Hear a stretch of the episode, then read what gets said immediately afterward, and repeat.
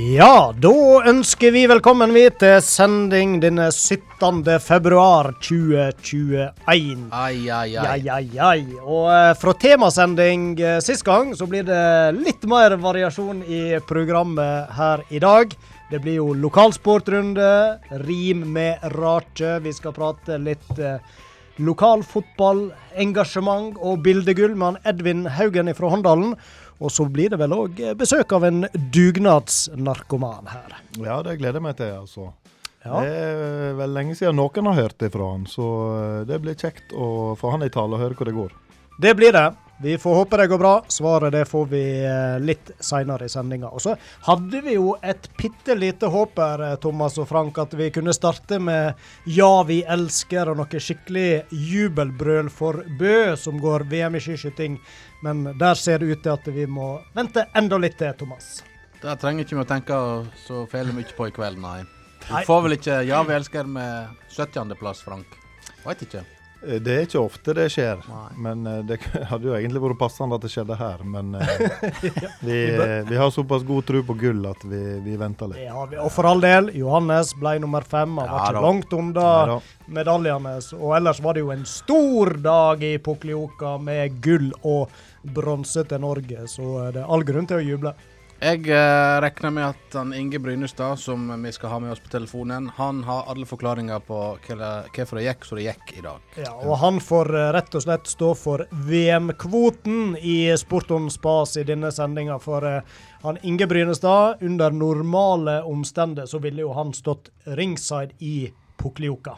Vi må jo huske å spørre han Inge om eh, hvorfor han Tarjei fikk tre bom på første liggende skyting. For det er jo et mysterium. Mm. Det, Og der, der har han forklaringa, det tror jeg. Jeg, er- det, det, det er jo derfor han er med på tråden. Inge han har svar på det meste. Ja, og så må ikke vi glemme, i dag så blir det stor trekking her i studio. Når vi går mot slutten av sendinga, da er tida moden for å kåre vinneren av dette her en fantastiske antrekket som henger bak oss på veggen. NM-funksjonærantrekket fra 1996, som vi var så heldige å bli sponsa med. Han Inge Fenn, som var gjest her i studio sist. På sparket så lovde han vekk et eh, NM-antrekk. Det- Den lovnaden den holdt han, og det henger altså nå til Det er jo ikke bare ei, ei NM-jakke, det er jo et eh, sett Det er det. med bukse. bukse. Og Ja. dette her er jo high-tech Skogstad anno 1996, så ja. Jeg... og, og, slik som all bekledning på 90-tallet, stor i størrelsen. ja. Så uh, denne her Sånn, det er sånn multisize. Multi, ja.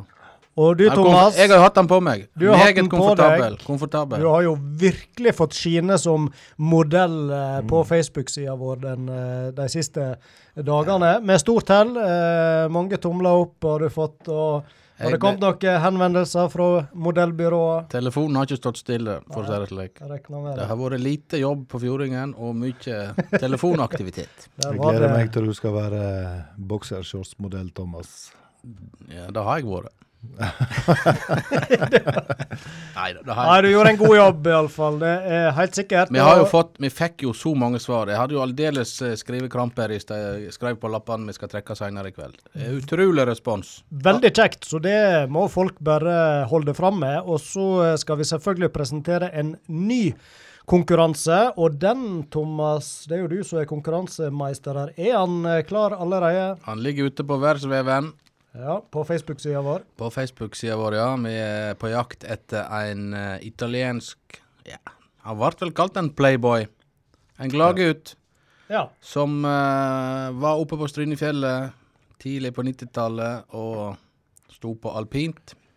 Og vi snakka ikke om han uh, Ytreide, men uh, om en litt mer internasjonal Å Ja, han var italiensk, sa jeg. ja, du sa han var italiensk. ja.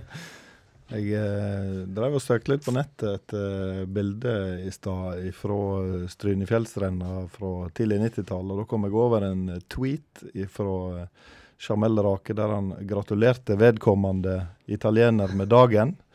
Og skrev at han forsynte seg grovt av kvinnebestanden i Stryn tidlig på 90-tallet. Det var deg vel unt, står det. Så en sjarmør eh, vi skal fram til her, altså. Ja. Absolutt. Og så Men da vil vi jo at folk sender inn uh, svaret på Messenger, slik som de uh, bruker å gjøre, og vi har jo allerede fått svar. Så konkurransen den er høgst oppe og uh, levende. Da får jeg lov å oppfordre, sånn som jeg gjorde sist, skriv ikke svar i kommentarfeltet, for da eh, da blir det på en måte avslørt for, for alle som leser det. Så send på Messenger. Det gjelder Svein Olav Solum, da, kanskje. Ja, det var jo den eneste som trakka i salaten sist, men eh, Han trakka vel såpass djupt i den salaten at det, det, det fikk la gå. ja, Ja, nei, men Det får være greit. Han har vel ruccolablad oppunder anklene. Ellers når det gjelder premie, så kan vi vel eh, bare love at det blir en eh, ny godsak fra Sport on Spas som vi eh, vi holder folk litt på eh, spenningsbenken en stund til. Når det gjelder det, Hvis vi får den i boks, så er det en meget eh, eksklusiv eh, premie vi, vi får tak i, og det tror jeg vi skal klare. Veldig bra. Da er sendinga godt i gang her, og da tror jeg vi skal spandere litt tid på den nye hovedsponsoren til Sporton Spas. Å skaffe nye kunder til bedrifter kan være en krevende jobb. Hei sann. Eh, ja, nei, eh, jeg lurte nå bare på om jeg kanskje kunne få lokke med et lite tilbud, eller Nysalg kan for mange oppleves nesten litt skummelt. Det er som regel kjekkere å kontakte de du allerede har en lang og god relasjon til. Ja, nei, altså, grunnen til at jeg kontakter deg, det er at jeg har et utrolig fristende Men heldigvis har du Innovation Support som kan gjøre jobben for deg. Siden starten i 2012 har de bidratt til hundrevis av nye kunder til hundrevis av bedrifter i Norge. I tillegg er de et viktig springbrett inn i arbeidslivet for unge og nyutdanna. Hallo, jeg heter Helge Barrat Johnsen og driver Innovation Support. Jeg sponser Sport on Spas, ikke fordi jeg er så god i sport sjøl. Karrieren min var stort sett benkeslitt på Oppstryn sitt fotballag og et forsøk på å starte en basketballklubb i Stryn. Men akkurat som Frank, Thomas og Roy Aron ønsker jeg å løfte fram de som virkelig kan noe. Sjekk ut innovationsupport.no. Nei, men ikke vær så vanskelig, da. Nei, men kom igjen, da. Å, come on.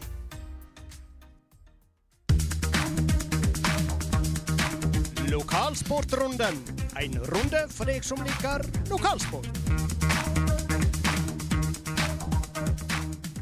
Det er jo litt kjekt å kunne melde om noe aktivitet på lokalsportfronten, selv om vi ikke akkurat uh, blir nedlest i resultat uh, fra skirenn og håndball og fotball, uh, som vi kanskje normalt sett ville vært på denne tida. Så er det litt, litt sånn småskala sport som foregår. Ja da, og vi lytter jo sende noen tomler opp ut eh, i, til Ulsheim. For der er de voldsomt flinke nå for tiden å arrangere klubbrenn i både skiskyting og, og langrenn. Ja, det var vel som eh, du skrev i lokalavisa. Det, var, det er i Pukkeljoka, og så er det på Ulsheim det stort sett foregår av idrett nå. Ja, det var, litt sånn. det var fall. ikke mine ord, men eh, det var Det jeg som skrev det. Ja, ja. ja. Nei, men altså, det er viktig å holde aktiviteten oppe nå eh, blant de yngre i en, eh, i en tid der det er det jo, jo ikke, De får ikke lov å reise utenfor kommunen og konkurrere, f.eks. Så da stiller de på og ordner til uh, skirenn i alle aldre. Og ja. God og glad stemning på Ulsheim. Uh, Hjalp sikkert med kjempefint vær òg. Absolutt. Og nå er det vel sånn at i morgen, tror jeg, 18. februar, da skal de gjøre, komme med en ny eh, melding om koronarestriksjoner og sånne ting. Og så er det vel et håp da i skiidretten, langrenn og skiskyting at det kanskje blir åpna litt mer opp. For det er vel en viss sånn ja, skal vi si, det er litt lite forståing for akkurat reglene som gjelder nå. At en, eh, gjerne unger som går i kanskje skoleklasse i lag, de kan plutselig ikke få lov å konkurrere mot hverandre hvis de er fra to ulike kommuner eller klubber. Så hvis folk hører podkasten om eh, 14 dager, så er det kanskje helt andre regler som gjelder enn de som kanskje kommer i morgen. Godt poeng. Ja. Men iallfall, renn var det, og eh, du som var der, hvordan eh, var stemninga? Det var jo som eh, jeg skrev, det var jo VM-stemning. Det var jo eh, bare smil og glede og spikertjeneste i toppklasse. og Ja. Det var jo han Sjur Ole Svarstad og Bernhard Hole som var spikere, og arrangementet da satt som eh, felleski på uh, Nysen- på Nysene. På Nysene, for eksempel. ja. for et ordtak. Og så hadde vi han eh, Johan Eirik Mæland, han gjorde litt inntrykk på meg. For han stilte jo i eh, kamodrakt, kamuflasje. Ja. Sånn militær, hvit med grått og litt eh, Mm. Den, den, den var kul. Ja, ikke på meg, men eh, på han så passer han godt. Ja, ja, ja, ja. Ja. Nei, men det er bra at det ruller og går i uh, vinteridrettene. Det skulle bare mangle når vi er i februar, men akkurat uh, denne sesongen så er jo ingenting som det bruker å være. Men uh, så har vi jo litt andre ting å melde om noen Ja, noe ja, overgang er vel å ta litt i, men det er iallfall Det ene er vel et sånn et ønske om en overgang, og det andre er et uh, spillerutlån. Det er du som Ja, vi kan begynne på lå- lånmarkedet, holdt på å si. Ja. Eh, Johanna Kveen Øvreflo hun eh, har meldt overgang til Volda. Da snakker vi handball. Da snakker vi håndball. Overgang, utlån. Utlån ut sesongen. ja. Og grunnen til det er jo at det er jo ikke noe, blir ikke noe lokal uh, håndballserie nå etter jul. Mest sannsynlig ikke. Nei. Nå er vi allerede i midten av februar, og ja, det blir for lite tid. Så hun, uh, Stryn håndball har da eh, gått i dialog med Volda håndball og fått i gang en utlånsavtale. Og eh, det skal bli spennende å se eh, hvordan det kan gå med hun, eh, Johanna der oppe. Hun har jo et lite håp om at hun kanskje kan få komme inn på banen i førstedivisjon mot slutten av sesongen, hvis alt går bra. Så det, hun har ambisjoner, og det blir spennende å følge. Hun er jo bare 17 år, som du sier, så det er klart at om ikke det blir all verdens spilletid nå, så er det sikkert kjempenyttig erfaring bare det å føle på nivået på treninga og Ja er merke litt og... hvor lista ligger. Få kjenne litt på det, som det heter på sportsspråket. Det var vel den veien hun eh, Lonevik òg gikk. Og hun Ja, ble Lone... etter hvert eh, ganske så sentral på, på Volda. Ja, hun gikk jo eh, til Volda, og vi vet jo at hun er nå i Eliteserien Mm. i Molde. Så uh, Volda er sikkert et bra springbrett, uh, hvis du tenker litt framover. Og så er det i fotballverden, Thomas, så er det jo sånn at når noen viser interesse, eller ja, så snakker en om at en er framme og snuser på, eller lukter på. og der Ja. er et Sogndalslag som nå er framme og lukter på en eh, stryning. Ja, du veit, jeg har jo eh, Jeg eh, er jo litt inne på Sogn Avis, som er min lokalavis fra gammelt. Og der kunne jeg se at uh, Sogndal nå uh, snuser på han Per Egil Flo nede i Sveits. Og kanskje kan få han opp eh, til Sogndal, da. Der er jo noen ting som kanskje skulle tale for det, når du Ja, er refererte noe- til litt ulike faktorer her, som kanskje taler for at han ja, det veier mot Sogndal. Ja, han har jo en kontrakt nede i Sveits, i Lausanne, som går ut i sommer. Så han vil jo ikke koste noe. Eh, han har Kona er vel fra Sogndal, og de har i hvert fall hus i Sogndal fortsatt. Han spilte jo Sogndal i sin tid. Og uh, ja, onkelen hans Håvard er jo sportslig leder nede i Sogndal, så det er Og kort noe- vei til familiestryn. kort vei til Stryn, og jeg tror ikke det er noe eh, høy odds på at han havner i Sogndal før eller seinere. Jeg tror nok det at han kommer til å avslutte karrieren sin i Sogndal. Han er vel 32 nå, stemmer ikke det? Jo da. Ehm, spørsmålet er om det blir et eh, mellomsteg der før han kommer til Sogndal. da.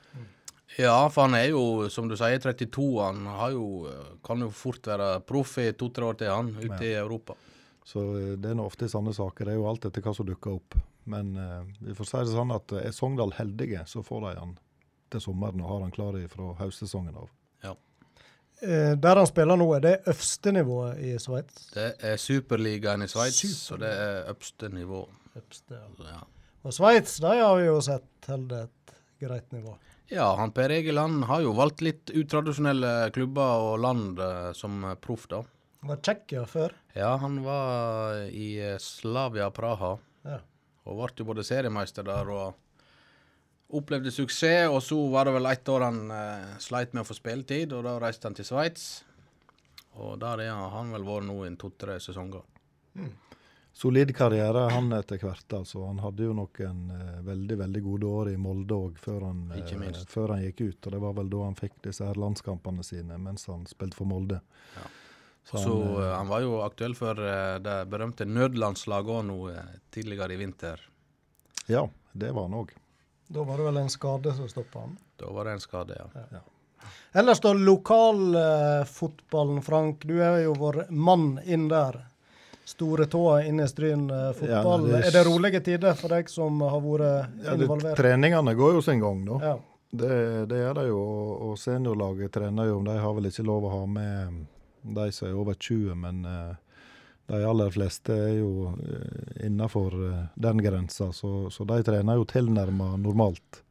Og de som er over 20, mange av de, de skulle si, det er vel eh, nesten naturlig vekke fra Stryne uansett. Ja, der er noen, da, men eh, de, sånn som jeg forsto det, så kan de delta med to meters avstand, så det blir litt sånn kunstig, da. Men eh, eh, jeg tror de har prøvd på noen varianter der òg. Men det, det blir nå litt sånn spesielt. Men eh, ellers da nedover i årsklassene, så er jo treningene godt i gang. Men det er vel Treningskamper er jo da uaktuelt, selvsagt. Ja, det er uaktuelt. Så har jo innendørs-KM, altså futsal-KM, blitt Først ble jo kvalifiseringa avlyst, så ble sluttspillet avlyst. Og så skulle jo sånn som det laget som jeg har med å gjøre, som er guttelaget, skulle være med på en vinterserie nede i den nye hallen eh, på Skei. Det ble avlyst.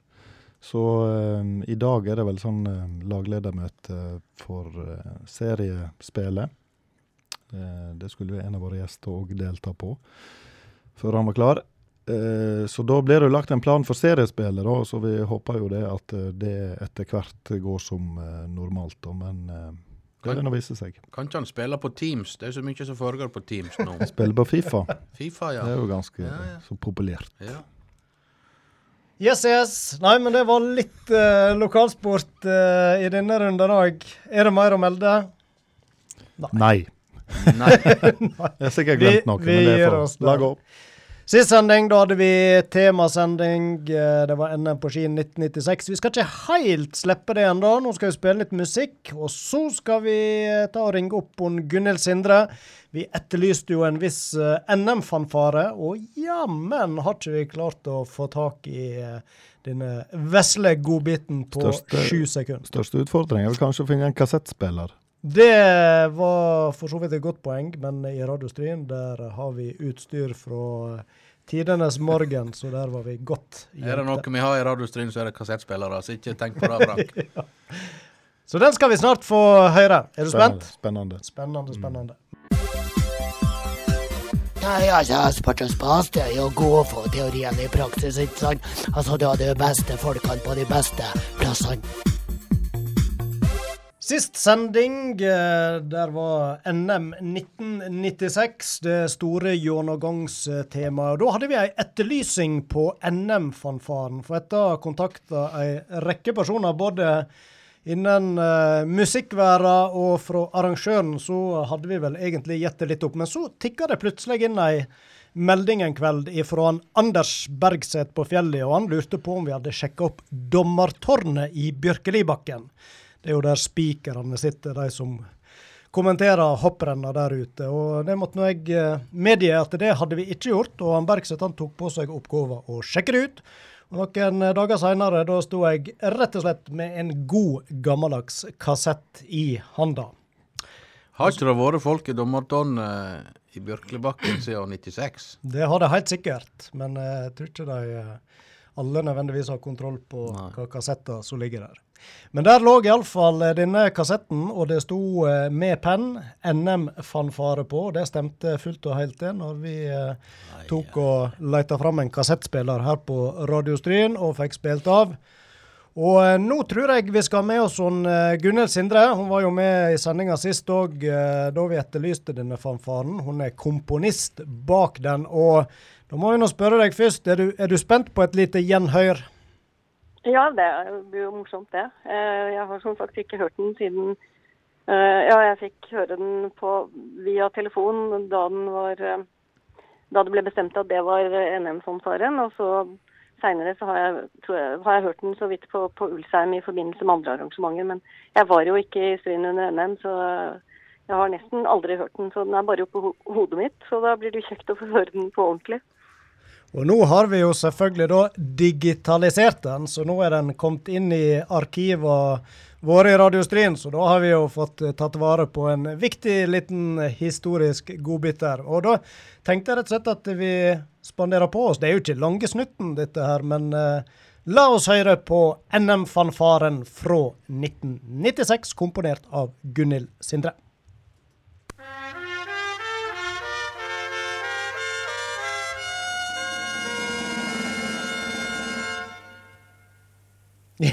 yes! Der satt den. Der satt han, ja. Hvordan Fort og gale. Mye styr for lite, kunne jeg si. Men eh, den var flott. Og som du var inne på sist, du forklarte jo litt om bakgrunnen for denne fanfaren. Det var jo et uh, tydelig uh, inspirert der av uh, Fagerstryn. Ja, jeg tenkte jo det at eh, det var det helt naturlige. Det, det var ikke tvil om hvor folk var kommet hen og sto på seierspallen når den ble spilt. Nei, denne, jeg syns dette var en uh, meget flott uh, fanfare. Når en har nå reist litt rundt på skirenn og sånt òg, så har vi nå fått servert litt av hvert opp igjennom. Men denne syns jeg du kan være stolt av. Men du, når vi har deg med på telefon Du skjønner vi kom, kom over et litt annet klipp her òg. Jeg tenkte vi kunne spandere på oss og høre. Det er ikke så mange sekunder, det heller. Men la oss høre her. Det er fra arkivet, og så er det et, et, et lite intervju med deg. Å nei. Ja, vinne neste gang òg, det må nesten være et mål, må ikke det? Ja. Ja, nei, det tror jeg ikke vi gjør. Det er så, så minimale marginer ute og går at det, du kan si Det er omtrent som en, en sier under et norgesmesterskap i friidrett eller på ski, at en hadde dagen. det, det var full klaff, og det, det var det som måtte til, altså, for det var så små marginer ute og gikk. Ja. Her var du i samtale med gode gamle Birger Mæland, dessverre ikke blant oss lenger. Men i dette intervjuet Det høres jo rett og slett ut som et sportsintervju, men jeg mistenker at det kanskje har noe med musikk å gjøre. Husker du dette?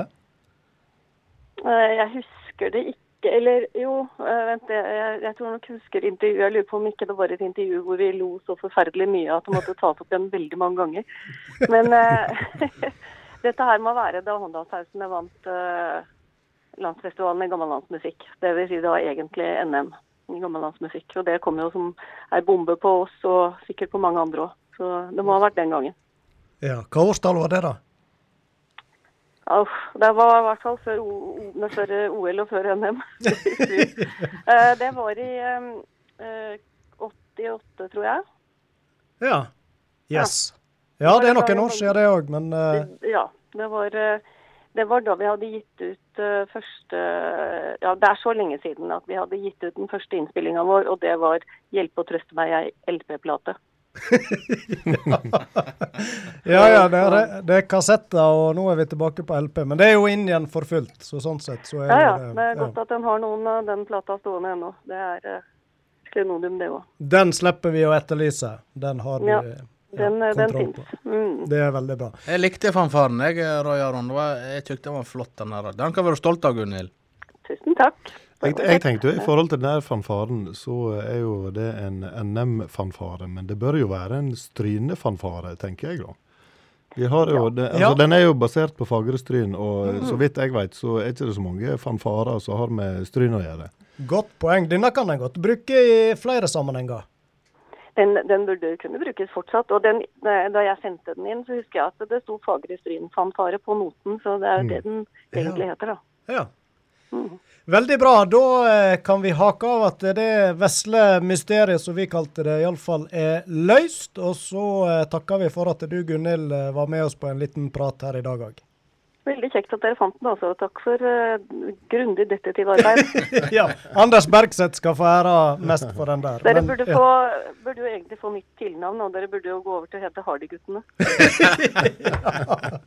Vi tar det til oss. Takk skal du ha. Ha en fin kveld videre. I like måte. Ha det. Ha det. Ja, Ja, det er jo tilfredsstillende å løse et mysterium, men eh, du Thomas sitter nå fortsatt med et eh, aldri så lite et. Det er òg NM-relatert.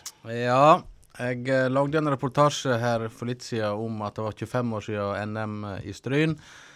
Og da kom jeg over en liten artikkel eh, om en kar som heter Bjarne Nesje. Han, eh, han lever ikke lenger, men han hadde fått eh, signaturen, eller autografen, til alle med gullmedaljevinnere på en seierspall Oi. På den kommunale seierspallen sto det i artikkelen som han Hans Holmøyvik skrev, for jeg har snakka med han. Mm.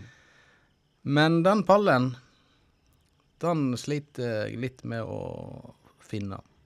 Men så er det vel sånn òg at dette var på et skilt på pallen, så i Ja, det kan det- teori og praksis kan vel det være skiltet som er igjen Ja, av den. ja, fordi at jeg har trolig sett meg blinde på at det sto pall, seierspall. Mm.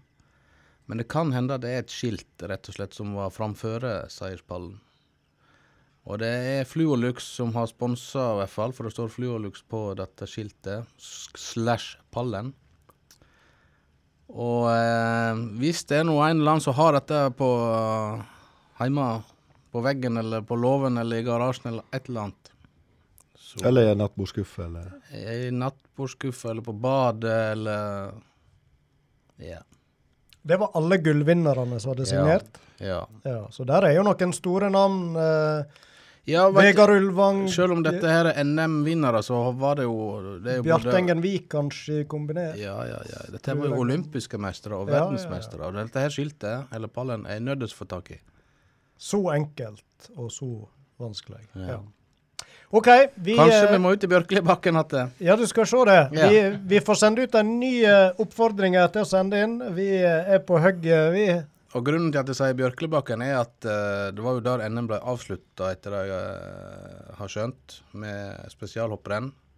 Og han skulle da ut på, Ulse, nei, ut på Bjørkelibakken og få signert den pallen. Ja, ja, ja. Spørs om det blir en ny tur for han Anders Bergseth opp i dommertårnet nå, da. Ja. Vi må sende den opp der. OK, da er oppfordringa gitt. Da skal vi øyeblikkelig eh, rette fokus mot eh, VM i Poklioka. eller kanskje rettere bestemt eh, til Olden og Inge Brynestad. Vi spiller litt musikk, og så skal vi ringe opp han til en prat. Sport og stas er helt konge. Da ønsker vi velkommen til eh, deg, eh, Inge Brynestad i Olden. Er du der? Ja, det er du. Ja. Ja. Eh, vi må jo eh, Vi må jo gå rett til dagens eh, renn i Puklioka. Så må vi få din analyse av eh, Brødrene Bø. Kan du ta en kort Ja, det var jo greit. Terje. Han skal også vekk på første skyting. Det, jeg vet ikke hva som skjedde, da, for å si sånn, men det var en god samling på fire skudd. Så hadde han ett var litt opp, så jeg.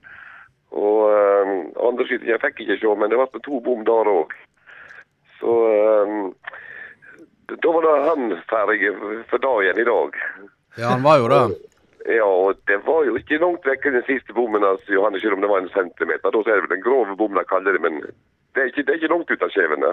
Nei. Og du har vel eh, Du har vel nesten aldri hatt så eh, god uh, utsikt til, uh, til konkurransene som du har nå for tiden, for du er jo hjemme i stua, ser du. Ja, jeg må nå faktisk være på arbeid, men det går fint der òg. Ja, ja, men du får jo med deg Det har du jo sagt at Ja. du får med deg uh... Ja da, det gjør jeg. Ja. Så uh, det er ikke mye veting som blir gjort nå de, den, den, den stunden det står på. Nei. Så det blir dårlig lønning på meg, regner jeg med nå. Ja, hvis du, hvis du jobber på akkord, så er det vel dårlig. ja, så det Men du, eh, Inge, du er jo Du skulle ikke vært her, du veit du nå. Nei da, det skulle ikke jeg. For du har jo tradisjon for å reise på verdensmesterskap i skiskyting. Ja, det ser jeg på så sant jeg har mulighet til å ha gjort det siste ja, jeg vet ikke, seks-sju gangene. I hvert fall så har jeg vært, har jeg vært på de verdenscuprenn, ja. Ja. Så eh, åtte ganger. Jeg, jeg, jeg har ikke helt kontroll på det. Nei. Ja, men som du sa til meg her på søndag, så du samla jo ikke på VM-effekter, f.eks. Så du eh, Nei. Du, du, Ja, hvis du først begynner å samle, så blir det Ja, så plutselig en gang du glemmer å kjøpe noe, så blir det helt småtvilende. Så da har jeg funnet ut at det er mye bedre å ikke kjøpe noe, og så husker jeg det. Ja, du samler på gode minner. stemmer. Så det, det er det jeg gjør. Så eh, Men hvordan er dette, Inge? da? Når, eh, er det nesten så du tar deg sjøl i etter konkurransene har sett deg på TV, så er du på vei og skal finne ølteltet, men så Kommer du på at eh, her er du jo Ja, nei, jeg, jeg hadde lurt på å ha med meg en liten en, men det blir noe sånt helsike styr, veit du.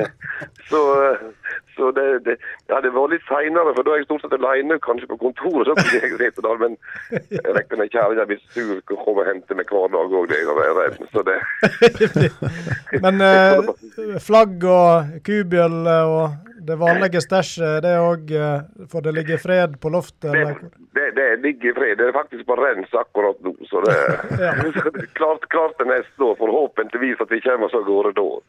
Og jeg var jo inne og besøkte han Inge nå på søndag for å, å, å følge jaktstarten i lag med han. Og da som møtte meg, var jo en mann i vanlige klær og tøfler.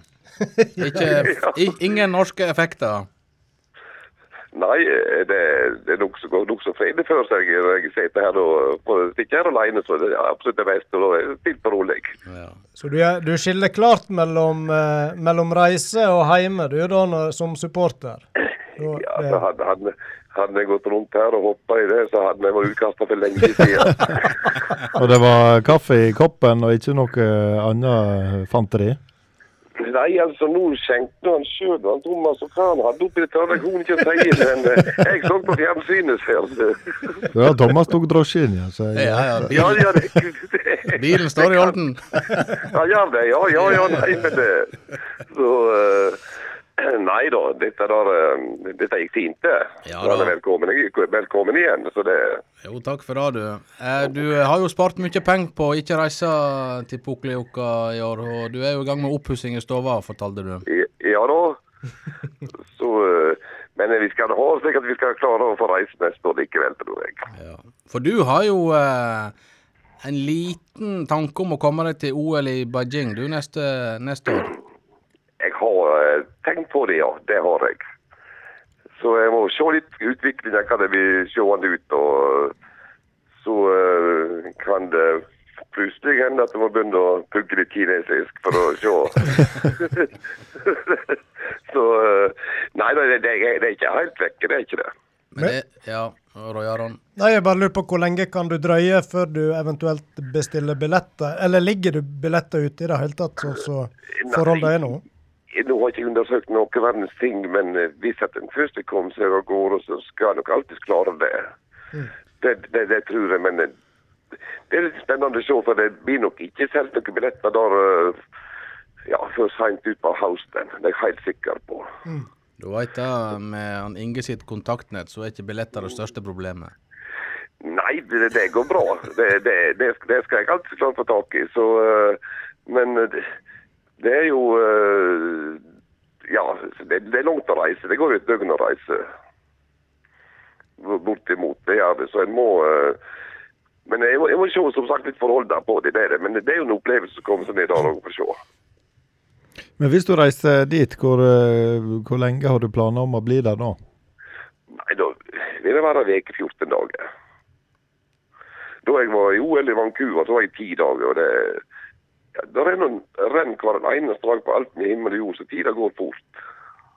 Men kan du kjøpe sånne pass der du får tilgang på flere typer øvelser, eller må du kjøpe Ja. ja. Mm. Nei, det, altså sånn som så, når vi var i Vancouver, så hadde vi noe som fulgte med reisa. Og så så jeg noen dager vi hadde litt opphold, så gikk jeg og kjøpte meg billetter faktisk en vanlig billettluke, og på kombinert topp og så på det, og ja. Ja. Så, så det er muligheter, det det. Nå tør jeg ikke si hvor nær stadion alt dette ligger nede i dag. Det har ikke jeg eh, det har ikke jeg, jeg har ikke kommet så langt at jeg begynner å undersøke det. Men- det. Det har ikke jeg. Men Inge, hva, hva vil du si du savner mest nå? Det- Det å sitte, når du sitter hjemme og følger øvelsene, kontra det å, være til stades på stadion der det skjer. Hva er det liksom du, du, du kjenner du savner? Det er noe stemning, ja. Eh, og veldig mye folk som sier selv, når jeg bare er fra Stryn, ute i Eid, Stårheim, Bremanger Du snakker nesten bare med dem når du er på dette, er, på ski på, på sånne turer. Så det er jo sosialt, og det er folk du kjenner, ja, kjenner igjen, eh, treffer igjen år etter år. og En del utlendinger som jeg blir kjent med. og ja. Mm. Så det er jo veldig kjekt. eh, Og stemninga og det, det blir noe helt annet når du står der og du plutselig ser at det er fullt hus går ut og leder, så fryser du. Er trygg på en måte når du ser det. Ja, jeg er omtrent at du vet det blir gull. Mm. Litt tilbake, litt tilbake til eh, VM i Pukleuka, Inge. Og eh, Ja. nå har jo han eh, Tarjei han har ikke starta så veldig bra. Tror du han eh, er i fare for å miste plassen på stafettlaget, eller er han bankers da, tror du? Jeg har tenkt på det, men han er nok Jeg tror han er bankers da. Det tror jeg, altså. Ja. Det, altså hvis jeg tar sånn uh, uttakning jeg har hatt, så ligger han jo på tredjeplass i verdenscupen ennå. Ja, han gjør jo det. Ja, selv om han var vel noen og 60. plassen han kom på i dag, men um, jeg eh, altså, jeg tror ikke det Jeg tror i hvert fall ikke det er noen fare. Det tror ikke jeg. Det er sånn som de tar de amerikanske utdannelsene har etter beste plassering, så er, det, er han sikker. Det kan vel ikke dette resultatet i dag legges så voldsomt til grunn heller, for når han får eh, Han hadde vel seks bom på de tre første skytingene. ja. Da Ja. går, går, han vel ikke for eh, full spiker siste runden? Nei da, det, det regner ikke med at de da eh, da, for Det var vel avgjort allerede. For tre bom, det, Ja. det går ikke. Du så Johanne så eh, det hadde, Han hadde vel klart det akkurat med en bom, hadde ikke han? Ja, det tror jeg han hadde. Så, så eh, Nei, det hadde han ikke. Han hadde blitt bak uansett. Så det, det, det, det er så lite, det er så mange som er så gode nå at det, er helt utrolig hvor jevnt det er. Du, du må ha en god dag, rett og slett. Og, og klart eh, Men vi har nå fellesstarten som kommer snart, og Ja, de siste seks siden 2013 så har det vært en bø på pallen hvert år utenom, utenom eh, Østersund i 2019. Så vi kan håpe godt da. Nå er det jo single singelmix eh, i morgen, og den skal du jo få med deg, selvsagt. Ja da. Og så er det hviledag på fredag. ok? Gjør en eh, skiskytterturist uh, i en VM-by når det er hviledag? Eh, vi holder hvile, vi òg. Godt sagt. ja. Så nei, som regel så er det, det alltid hvor du er hen, så er det alltid hvert å finne på. Eh, når jeg var i Rupolding, eh, så bor vi som sagt i Reitevinke. Da kanskje vi tar oss tur til Salzburg eller eh, ja, Innsbruck, et eller annet. Så, og da er det mange ja, fjelltopper Nå går ikke jeg opp på fjelltoppene, jeg tar alltid vane. Så jeg, jeg er klar da ikke bruker energien på det. Å gå. Men i fjor, eh, i fjor Inge, når det var i Anterselva, har du opplevd så mange stryninger eh, på tur eh, å si, i lag med deg som som da? Nei, nei, det har ikke jeg. Det har ikke, og det var kjempekjekt. altså. Det, så jeg eh, håper nå det at uh, Oberhof det er jo skisportens mekka, som de har sagt nesten. Så i 20, 23 at da skal vi med like mye folk der. Og, og det er klart at det er ei uke, men hvis ikke det er verdenscuphelga og ja det, det, det, det oppleves. Jeg kan fortelle så mye ved om det, men jeg er nødt til å, nødt å oppleve det. Ja, vi har vel en liten drøm der å komme oss til Oberhof eh, Ja i 2023. Så eh, Nei da, da, da, da, blir det kjekt, helt sikkert. Så, det er god stemning. Og det, det er akkurat det samme om det altså Klart det er jo Du står der så håper du at eh, La vi si først og fremst at en Stryning eller kommune her vinner, i hvert fall. Og så er det nordmann. Men så er det kanskje en som har gått bedre, og, og han gått bedre, så han var best den dagen. Så vi må se litt på det òg. Det er like god stemning, og alle er like glade. Hvilke publikummere vil du si er de eh, beste publikummerne, da? Sånn nasjonal sett. Hvem er det som er sværest til å skape liv? Ja, det er Norge, det. Er det det? Norge. Ja, ja, det er ikke, det er ikke noe eh, Du kan si at det hadde ikke vært for nordmenn og tyskere, så hadde det vært skvint på tribunene. Ja. Ja, det, det hadde det vært. Er ikke det noe særlig med franskmenn? Frankrike er jo en stor nasjon. Det er det, men det er ikke mye. Det er ikke det. Det er veldig Det er tyskere, litt mer italienere begynner å komme. Uh, så uh, det, det, det er hovedsakelig uh, tyskere. Østerrikerne, hvis det er nært, kanskje de kommer litt. eh, Men det er ikke mye, det er ikke det. Nå er det jo kommet en del nye distanser på programmet siste, i de siste sesongene, og du har vel sagt at uh, nye distanser har vært med og revolusjonert uh, idretten. Det har jeg. Du vet at Det var jo forferdelig styr da jeg begynte med jaktstart. Det var ingen som trodde på det. ikke sant? Og, og så var det jo uh, fellesstarten. Det kom på slutten av 90-tallet, begge deler. Men det hadde blitt suksess, begge deler. Og dette her singelmix, det var ikke for mye, mye Det var liksom jeg snakket om at det var for mye konkurranser. Men det er jo nok deltakere som hun har selv bestemt hvem som stiller opp i dem. Og, men stiller jeg opp, så prøver jeg å vinne uansett, og det er jo helt normalt.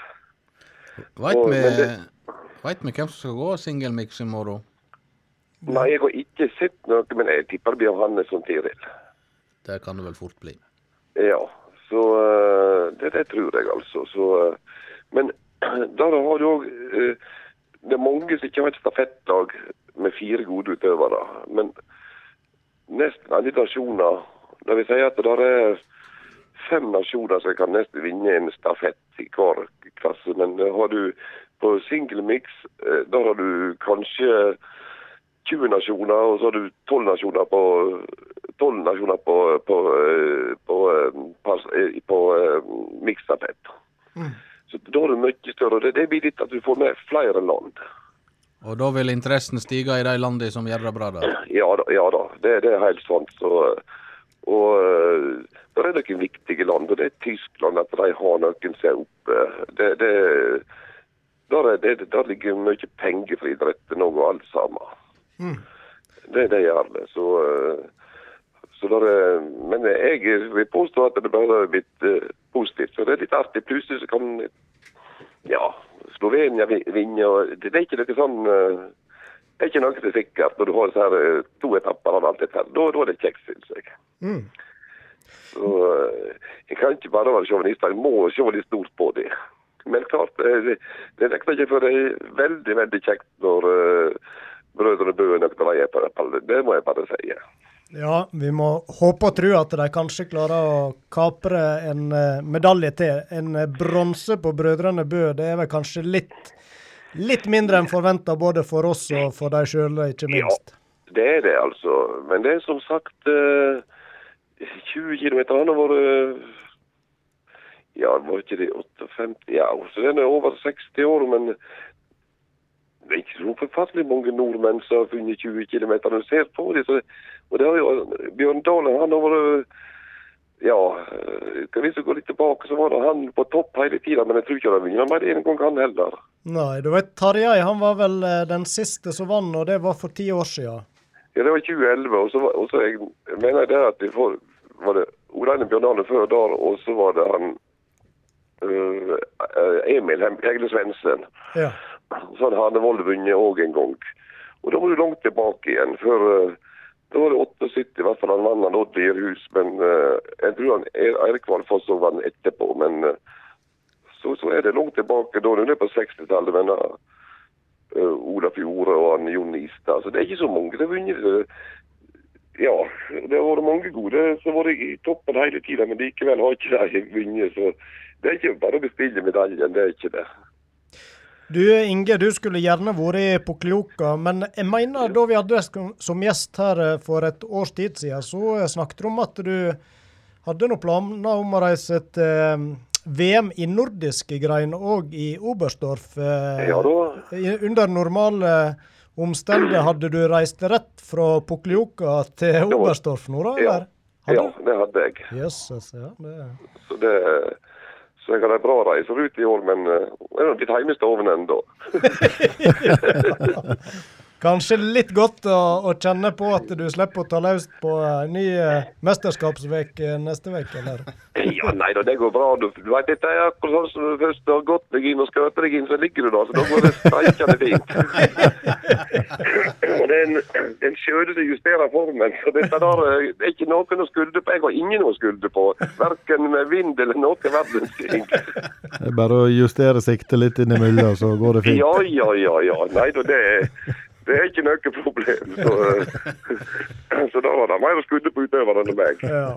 Nei, men det høres ut som du Inge iallfall har truffet med mesterskapsformen. Du er i godt slag, og eh, Ja selv om du nå må følge det fra godstolen hjemme i Olden, så eh, er det noe spennende likevel. Så vi, nå, ja, vi, vi får ønske hverandre lykke til, vi som Ja ser på TV, og ikke minst de som skal gå ned i Pukkeliukka siste. Det er helt sikkert. Så det Nei da, men da får dere bare kose dere videre. Jo, og helsa og Gerd, Inge. Det skal jeg gjøre. Ja, det bare, du. Ha det bra. Ha det. Ha det, ha det. Ha det godt. Sport og spås, Like underholdende som ei god sklitakling. Ja, da har vi altså eh, faktisk eh, fått besøk av eh, kveldens eneste eh, gjest som fysisk er i, i studio. Og da har vi Vi skal da fra Inge Brynestad og internasjonal idrett tilbake til litt mer lokale forhold. Eh, og da eh, har vi glede av å eh, ha besøk av lederen av Sogn og Fjordane dugnadsavholdslag. Velkommen til deg, eh, Ivar Erik Revedal. Ja, tusen takk. ja. Ja, du har altså fått oppleve at det med dugnad, da, som du har vært veldig engasjert i, det er ikke bare positive sider med det. Nei, altså, en kan si mye bra om dugnad, men jeg ønsker da å si noen ord om dugnadens bakside, så jeg så smertelig da har fått oppleve. Aller først så må jeg si det at jeg skjønner godt de som blir med på dugnad. Det sosiale samværet, den løse praten, vaflene osv. Og det var nå akkurat dette som gjorde at jeg òg ble med på den første dugnaden på slutten av 80-tallet. Og den dugnaden den vil i grunnen karakterisere som en helt uskyldig dugnad. Den var over i løpet av bare noen få timer. Og det var kun den ene dagen. Men den ga meg noe. Noe som er vanskelig å sette ord på i dag, men det førte iallfall til det at jeg heiv meg med på enda en dugnad bare ei lita uke seinere. Og det er vel da en for alvor kan si at helvete braut laust. Plutselig så ble livet mitt snudd helt opp ned, og det fantes ikke den dugnaden i bygda som gikk meg hus forbi. Jeg var med på absolutt alt som var.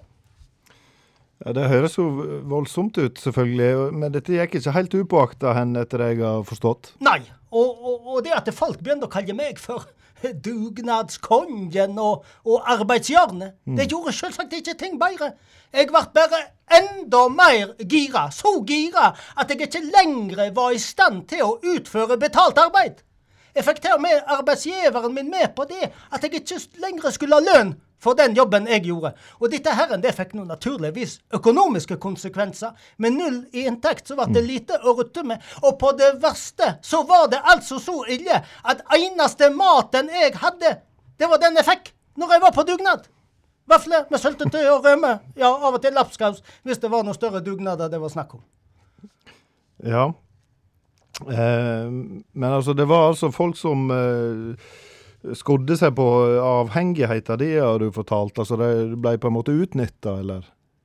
Ja, altså på denne tida, da, kunne jeg altså ikke få nok dugnad. Og dette dagen, det visste folk å utnytte. Og det frekkeste eksempelet eh, som jeg da har fått referert i ettertid, ja, jeg var nå i aldeles, eh, i min aldeles eie vær på denne tida da, det var altså naboen min som ved å kalle beisinja ta huset sitt for dugnad, fikk meg til å gjøre hele fordømra jobben gratis.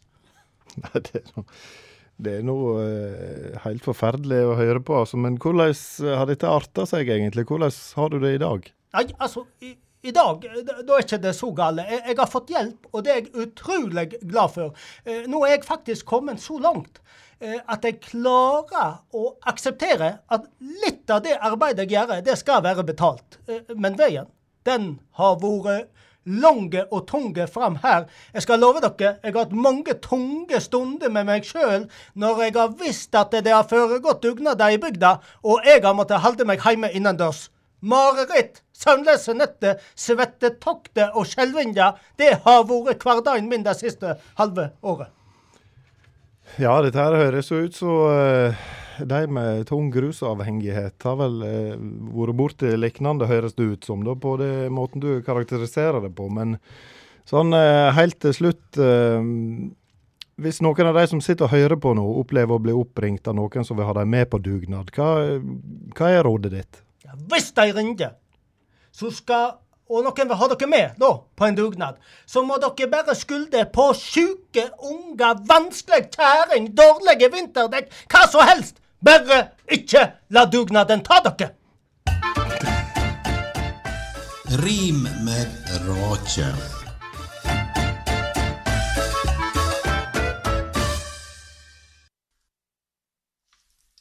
Skap. Kommunalt meisterskap. Kretsmesterskap. Norgesmeisterskap. Europameisterskap. Verdensmeisterskap. Barskap. Kråskap. Garderobeskap. Klesskap. Kjøleskap. Sikringsskap. Ekteskap. Og for ikke å gleime galskap.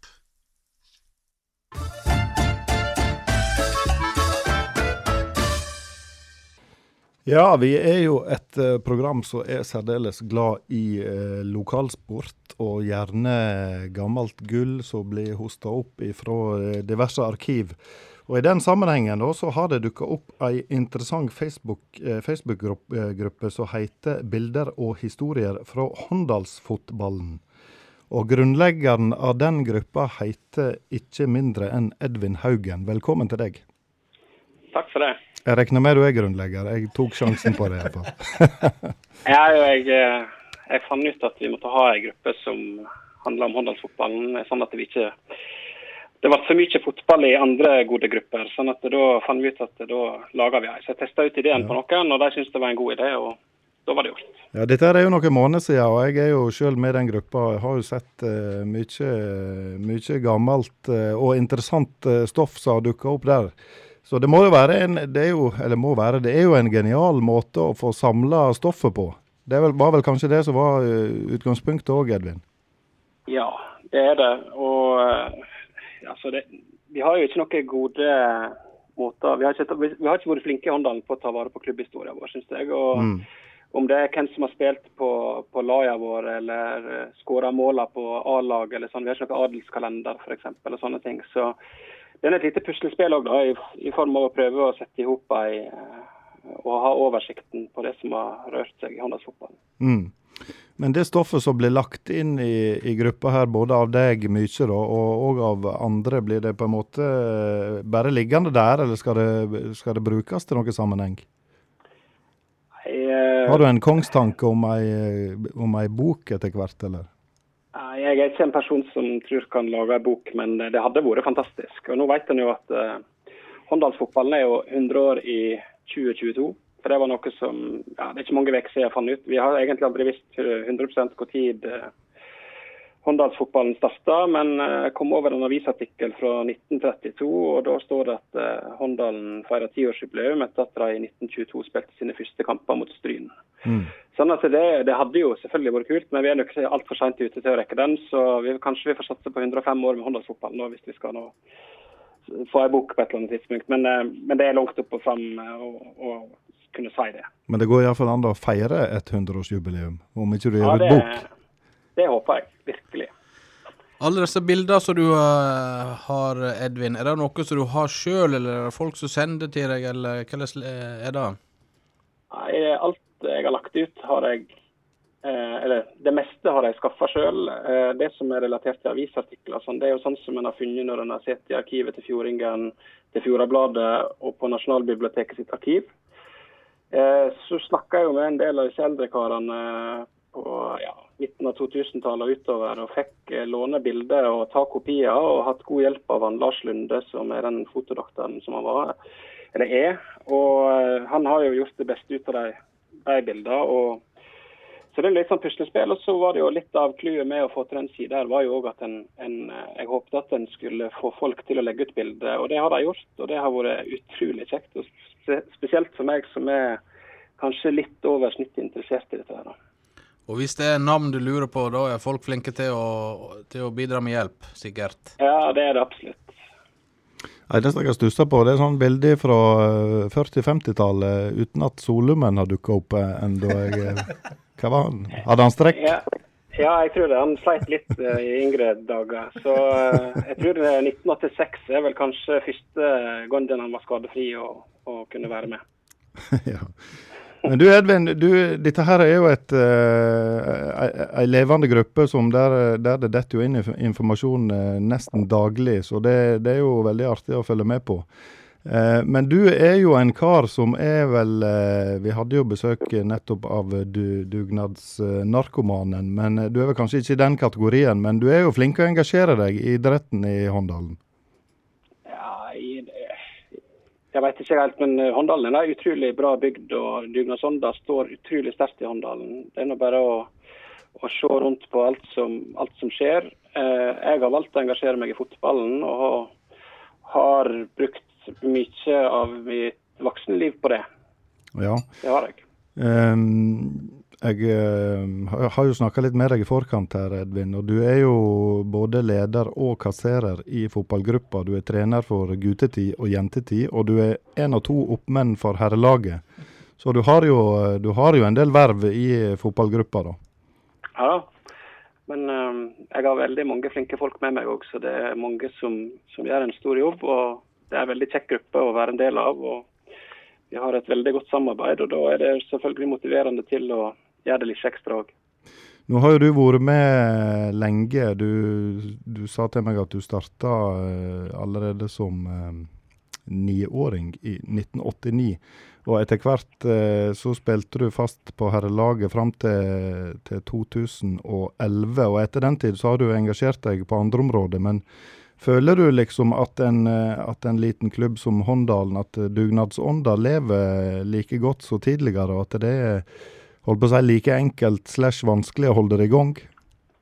Altså, jeg syns at uh, Dugnadsånda lever veldig godt i Åndalsfotballen. Den største utfordringa er jo uh, det som har vært de siste åra, at barnekullet har vært kanskje litt mindre enn vanlig. og der, Derav eh, færre foreldre å ta av. Men samtidig, vi har jo hatt eh, store arrangement eh, med dansegaller og konserter sånn, som på en måte har blitt den inntektskilden vi har sikta oss inn på. og det har, all, altså, det har ikke vært spesielt vanskelig å få med folk, verken de som har unger eller brenner for fotballen, eller andre. Folk i Håndalen er veldig flinke til å støtte på når det skjer ting. Mm.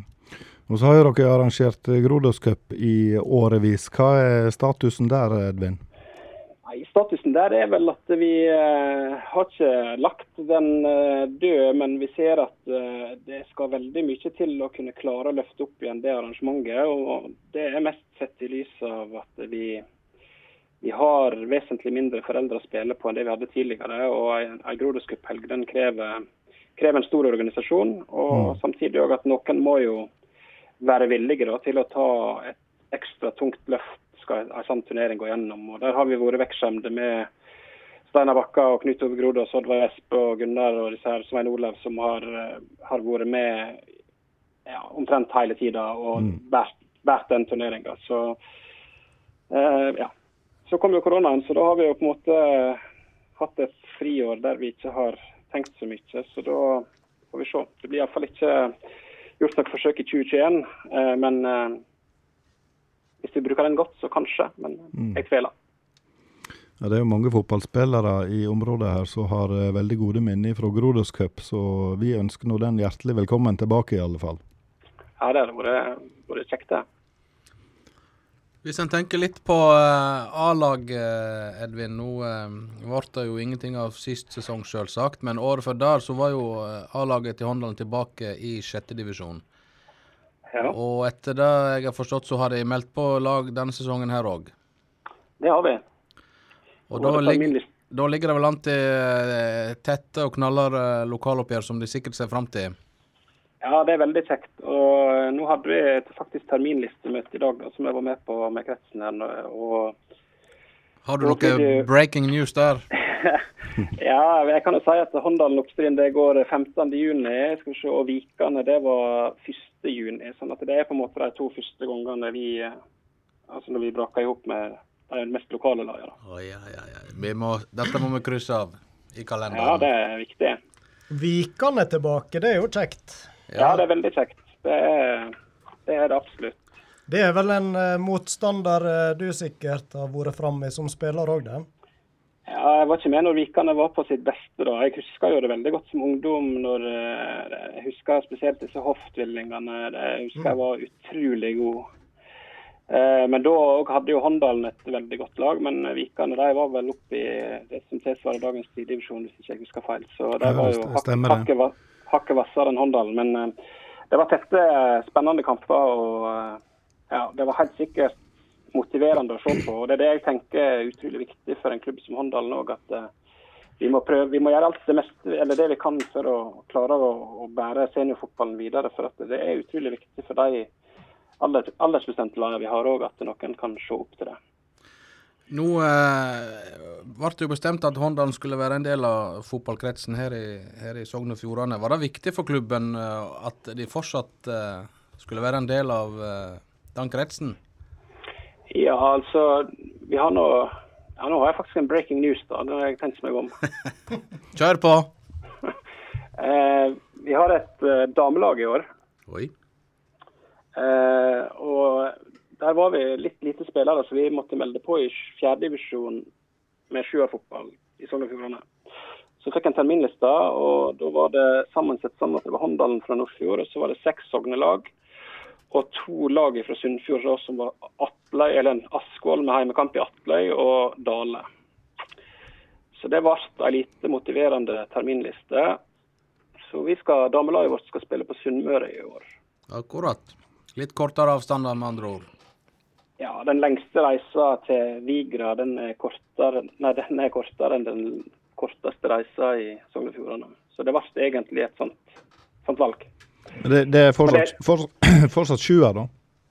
Eh, Det blir nier-elver, faktisk. At da var det litt mer sånn fleksibelt på, på spilleform, og da har vi valgt å melde oss på der. For vi har en, eh, en 18-19 spillere som har lyst, men det er på en måte litt jobb og forpliktelser som gjør at de ikke kunne binde seg opp til, til det. og da ja, så dette har spillerne vært de som har bestemt dette der, og så har klubben vært bare positiv. Vi ønsker veldig gjerne at vi skal klare å ha to seniorlag, og da er det jo klart en må ha spillerne med seg. Så. Og så har kretsene vært veldig positive og løsningsorienterte, og da tenker jeg at det er en god løsning. Eh, Hva aldersgruppe er det sånn stort sett på de som spiller damelag? Har dere fått med noe av de gode, gamle veteranene òg, eller er det helst yngre jenter? Dette? Ja, vi har en eh, Nå har jeg ikke helt oversikt, men jeg tror vi har en, eh, seks-sju spillere som er rundt 20 og oppover. Sånn at det er, det er nå faktisk litt eldre enn mange av de andre damelagene, vil jeg tro. Men, men eh, samtidig er det vi har fokus på det sosiale og, og på en måte ha det kjekt i lag. Og så er det på en måte noen ambisjoner verken Det får komme hvis, hvis, en, hvis vi er gode nok, men det er på en måte det viktigste med håndballfotballen, er at vi skal ha et godt miljø. og at det skal være kjekt å være en del av det. Og så kan vi forhåpentligvis skape, skape resultat ut av det. Snakker vi da om spillere som kommer fra Håndalen, eller er de fra eh, bygdene rundt òg? På damelaget, så, eller på begge lag, så har vi jo helt klart vært avhengig av spillere utenfra. Eh, på damelaget så har vi vært så heldige at det er en, ja, tre-fire jenter som har flytta til bygda som eh, fra Ytre på Sunnmøre der. Og så har vi faktisk noen jenter fra Innvik eller Vitja som kjører bort til Håndalen og spiller fotball òg. Så, så det, det viser jo at uh, har en tilbud, så er noe villig til å kanskje legge litt ekstra i det med å kjøre til og fra trening. Så det, det er ganske fascinerende, og det er veldig kjekt for oss at, uh, at uh, noen har lyst til det. Og Dette har Frank vært med på tidligere, med å spilt på Håndalen når han Det kan absolutt anbefales. Ja, det var kjekt, da. ja visst var det det. Du var inne på det med at dere var en 18-19 spillere på damesida. Hvordan er spillersituasjonen på herrelaget? Ja, der er vi en 17-18. Og Så vi er nå litt på jakt etter et par spillere, et par-tre spillere til, da. For å ha en litt bredere stall og sånn. Men uh, vi velger å tro at det skal gå fint. Er det aktuelt for unge Haugen å snøre på seg noen fotballsko igjen? Det kommer ikke til å skje. Ja, sa ikke det. Nei, da er det mange før meg i køen. Solumen er klar for en ny sesong. Ja, ja det regner jeg med, Det forventer jeg. Så, så det er greit. Han, han gir ikke seg ennå. Han har vel lagt opp en sju-åtte ganger, men eh, det er ikke noe hinder. Nei, nei, nei, det er fantastisk. Ja. Det er veldig bra. Ja, nei, det trengs. En trenger folk. Det er plass til deg og Frank. ja, vi får, eh, vi får se. Oi, Vi ja, men det tar vi som et ja. ja, det var jeg litt for lite konkret. Men eh, Jeg jeg, jeg passer vel bedre opp i en radiostol, kanskje. Med sånn her kanelboller og kaffe. Ja, men det, Vi får se. Eh, nei, men bra, Edvin. Det var noe eh, fantastisk å få noe eh, breaking news på eh, Spase i, kveld. Og at eh, Håndalen har starta opp igjen etter damelag. Så blir det jo spennende å se hvordan det går og utvikler seg. Ja, det blir veldig spennende. Som Lars Haugen sa på årsmøtet på søndag, at vi hadde damelag i fjor òg, og de gikk gjennom serien uten tap. Ja, ja det, det er ikke svakt. Hvem, hvem- er det som er trener for damene? Er han, eh, Lars Haugen, og så eh, jobber vi nå litt mer med å få på plass da. Lars Mm. Haugen, og så eh, bidrar han Dagmund Evebø eh, litt rundt eh, alle lagene i klubben vår, og, og rundt damelaget. Men igjen, det er nå dette med trening og, og aldersgrense på trening og sånne ting. Så det blir spennende å se hvor tid, om det blir noen avklaring på hva en, tid en kan slippe opp litt, og, og kanskje få lov å trene som normalt på seniorfotball òg. Kan jeg spørre deg litt sånn mot slutten, Edvin. eh, Herrelaget med Dagmund som trener, hva som er ambisjonene der i år, hvis en får gjennomført en eh, normal sesong? Nei, det, det er å fortsette å ha det kjekt i laget på det laget òg. Og så selvfølgelig har en lyst til å vinne kampene når en møter opp, men, eh, men å få på plass altså det gjen, Vi prøver nå å gjenreise håndballfotballen, på en måte. Og så Mm. må vi nå stikke fingrene i jorda på at vi er en desidert en breddeklubb. og vi har ikke noen ambisjoner om verken femtedivisjon eller sånne ting. Det er rett og slett å, å skape et miljø som gjør at folk har lyst til å spille fotball. Og så velger jeg å tenke at da kommer resultatene ut av det. Det har vi vært med på før. Var, vi var uten A-lag i 98, og da begynte vi egentlig på samme, samme leksa den gang. Det er nok en eh, fornuftig tilnærming å, å ha lag lokalt her nede i divisjonene. Det syns i hvert fall jeg er veldig kjekt. Ja, det er helt fantastisk. Ja. Og i gjenreising av Håndalsfotballen så får dere hente litt inspirasjon fra Facebook-sida di og bildeglimt fra noen tiår tilbake. Så er vel der Ja, nei, det er mange store høydepunkt eh, der. Det er ikke tvil om det.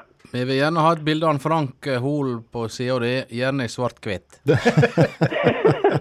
Ja, men det må vi prøve å få til. Ja.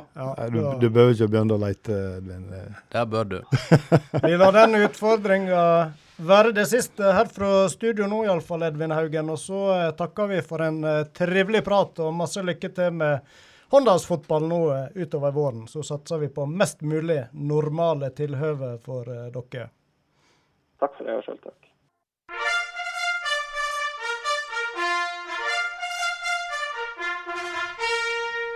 Ja, det er vel nesten så vi skulle hatt NM-fanfaren igjen her, komme på idet vi spilte denne. Men det er jo blitt vår faste Den finner Ove fram kjapt.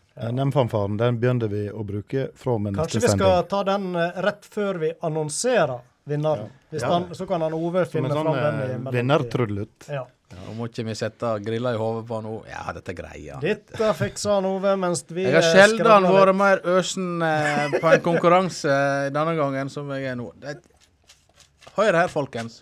Nå kan vi jo virkelig si det bugna i egget. Ja. Det er jo eh, rekordmange svar. Rekorden ble jo slått ned i støvlene. Ja. Og det forteller kanskje at pre premien den eh, gangen her da er av det mer, mer eh, eksklusive slaget. Det blir ikke mer eksklusivt. Du vet, det er jo eh, først og fremst kanskje en nostalgisk verdi, sånn jeg tenker det, som bodde i Stryn og var skiinteressert og var med på arrangementer både som publikum og som arrangør. Det å se denne her en eh, funksjonærdressen som på en måte alle hadde Mm. i 1996. Den som ingen har lenger. Og, og bare sånn å presisere, denne her har vært fram til nå innpakka i plast, så det er ikke sånn, det er ikke en brukt funksjonærdress vi har funnet fram. Dette er leftovers fra 1996 og leie lagra. Og som eh, en av de få som var igjen, så har vi da fått eh, Den er helt ubrukt. Helt ubrukt, bortsett fra eh, denne Thomas-modellen vår, som da for å vise den fram, og det gjorde jeg på en framifrå måte. Kan vel ikke si at han er rykende fersk, men han er ubrukt. Det er han. Og så er det flott... uh, bukser òg, veit du. Rød og fin. Med glidelås i sida. Ja, ja. Borrelås. Borrelås. Og seler er det òg. Uttrekkbar hette. Her Det er er high-tech. heftige spesifikasjoner. Og flott eh, brodert eh, NM-logo. på brøstet. Så dette Skal vi få det overstått? Ja, skal vi det? Da er det høytidelig eh, trekking her. Så da trekker vi først eh, vi, vi snakket om vi skulle gjøre litt sånn Grand Prix-inspirert. Der er det jo om å gjøre å så eh, gå gradvis Ja, Tine melkekyra. Mest mulig. O- Ove skal hjem igjen snart. Vi får Men hjelp meg, vi må trekke i lag. Ja, de får trekke i lag, de to. Ja. Vi trekker lag. Hvordan får vi Ja, til det? fin. Hendene møtes i Ja, vi har sprita oss. det er ikke lov å si. Er dette en bra, er dette en bra lapp? Der er en bra lapp. Oi, oi, oi. Den var flott, eh, flott bretta. Det er A. Ja. Er vi klar med en NM-fanfare før vi leser opp uh, navnet? Vinner av eh, konkurransen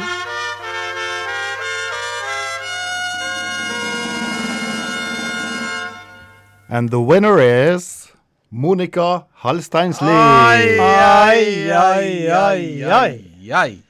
Ja, hun eh, skulle til å si, hun står jo midt i smørauget i forhold til arrangement i markene, så hun eh, Jeg vet ikke om hun var med under selve NM òg, hun. Så eh, hun er Jeg nok tipper at hun stiller på neste skiskytterrenn eh, på Ulsheim i den dressen. Det hadde vært kult. Så eh, vi, en liten oppfordring til. Det er dagen for oppfordringer. Kanskje kan vi få et eh, bilde av Monica iført dette flotte antrekket, så vi kan få glede av å dele på Facebook-sida. Det hadde vært stas.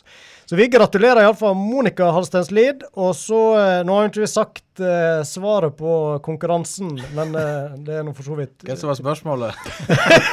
Altså, det er du som, du som skal ha kontroll her, Thomas. Yes. Ja. Nei, det var jo bilder av en kar eh, som kom i fokus på Ulsheim på herrestafetten. Ja. Og det var min navnebror eh, Thomas Alsgaard som var avbilda. Noen tok det på strak arm, andre måtte eh, fiske etter eh, svaret, men vi, vi sa jo ingenting. Og bildet det var vel tatt før han brakk eh, den berømte fingeren. Så.